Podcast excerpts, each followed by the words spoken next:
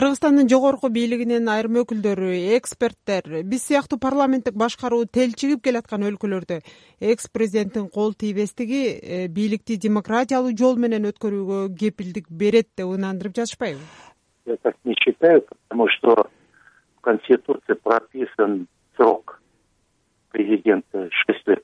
Жок мен андай ойго кошулбайм. анткени конституцияда президенттин мөөнөтү алты жыл деп жазылып турат анын кайра шайлануу мүмкүнчүлүгү жок.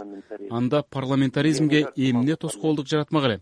Эгер президент өз компетенциясын сактап тапшырылган ишти абийирдүүлүк менен аткарса парламентаризмдин өнүгүшүнө өбөлгө болот. Эгер президент мыйзамды бузуп кылмыштуу ишке барып өзүнө байлык топтосо эртедир кечтир укук коргоо органдарынын кайырмагына илинээрин билиши керек.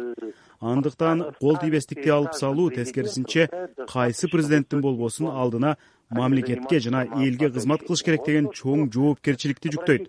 Эч бир өлкөдө президенттер абсолюттук кол тийбестикке ээ эмес. Абсолютным правом неприкосновенности. Мына кыргызстандагы экс президенттин кол тийбестигине байланыштуу мыйзам эмне үчүн азыр кабыл алынып жатат? Айрымдар муну саясий каршылашына каршы курал десе дагы бирөөлөр эмоционалдуу чечим деп баалап жатышат. Сиздин пикириңиз кандай? Рано или поздно мы к этому придем. Эртеби кечпи биз баары бир аны жасамакпыз конституциялык укукту калыбына келтирип баш мыйзамды декларативдик эмес чыныгы документке айлантууну канчалык эрте баштасак ошончолук жакшы. Ал мезгил жетти. Конституцияны толук аткаруу үчүн бизге дагы канча убакыт керек? Анда эмнеге баш мыйзамга кыргызстандын баардык жарандары мыйзам алдында бирдей деп жазылып турат?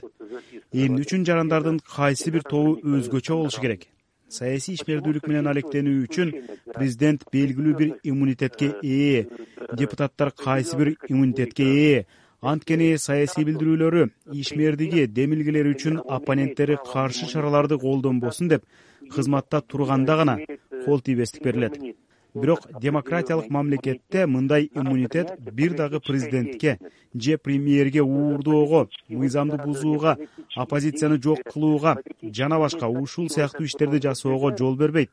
Мыйзам алардын саясий ишмердигин гана коргойт.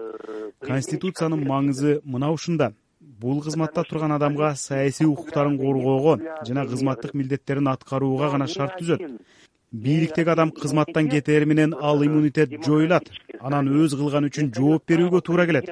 Мунун логикасы мааниси ушунда. Андыктан биз конституцияны толук ишке киргизели. Биздин баш мыйзамдын кабыл алынганына мына отуз жыл болду. Эми ушул маселеге келгенде ордубуздан жыла албай турабыз да а биздин коңшулар да мындай деп баш чаңсайбыз. Бул маселеде коңшулар бизге үлгү боло албайт. Алардагы саясий режим менен биздики бир топ айырмалуу бизде салыштырмалуу либералдуу жана демократиялуу режим. Мына азыр болуп жаткан иштерди мен конституциялык талаага кайтып келүү аракети деп карайм албетте процесс татаал карама каршылыктуу өтүп жатат. Бирок бул конституциянын толук кандуулугу үчүн жасала турган зарылдык. Чтобы конституция стала нормой жизни. Зайнида мырза сиз бул жерде экс президентке каршы кандайдыр бир саясий жүйөнү көрбөйсүз? Деги эле эч кандай саясат жок деп ойлойсуз? Президента а что он не заслуживает э, наказания? Что он не нарушал конституцию экс президент тууралуу айтсам. ал эмне жоопкерчиликке тартылбайбы? ал эмне конституцияны бузган жокпу? Бийликти узурпация кылган жокпу? Өзүнө байлык топтогон жокпу? бул суроолорго жооп табуу үчүн атайын мекемелер иштешсин да кол тийбестикти алып коюп анан жоопкерчилигин аныкташсын. Мыйзам бузса жооп берсин бузбаса бактылуу өмүр сүрсүн. бул жерде ага эч ким өкүм чыгарган жери жок да мыйзам бузулганбы же жокпу такташсын. Экс президент атамбаев өлкөнү кандай башкарганын баарыбыз көрдүк. Эл сокур эмес да. Биз демократиялык коомдо жашагандыктан мыйзамга таянып иш кылышыбыз керек. Ал өлкөнү кантип өзүн билемдикке салып башкарганын интервьюларында айтып атпайбы? Мыйзамды бузуп саясий буйртмаларды уюштурганын өз оозу менен айтып жатпайбы?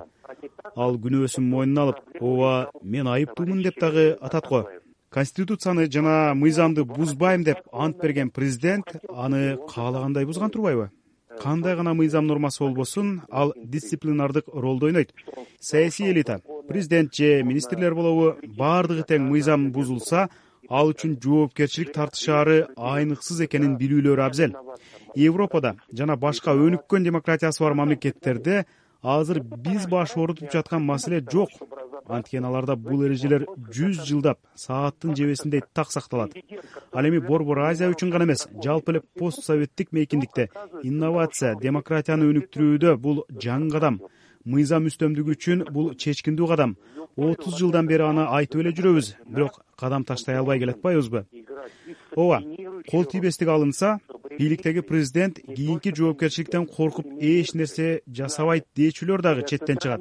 Албетте андай кооптонуу деле бар. Бирок кол куушуруп отурган президенттин бизге кереги барбы? Жоопкерчиликтен качкан лидер бийликке келбесин? Кыргызстан үчүн болгон күчүн жумшап мыйзамды сактап иштейм деген киши мамлекетти башкарсын. Бийликтин маңызы мына ушундай. Бийлик бул жоопкерчилик. Решение. Они что что они и делают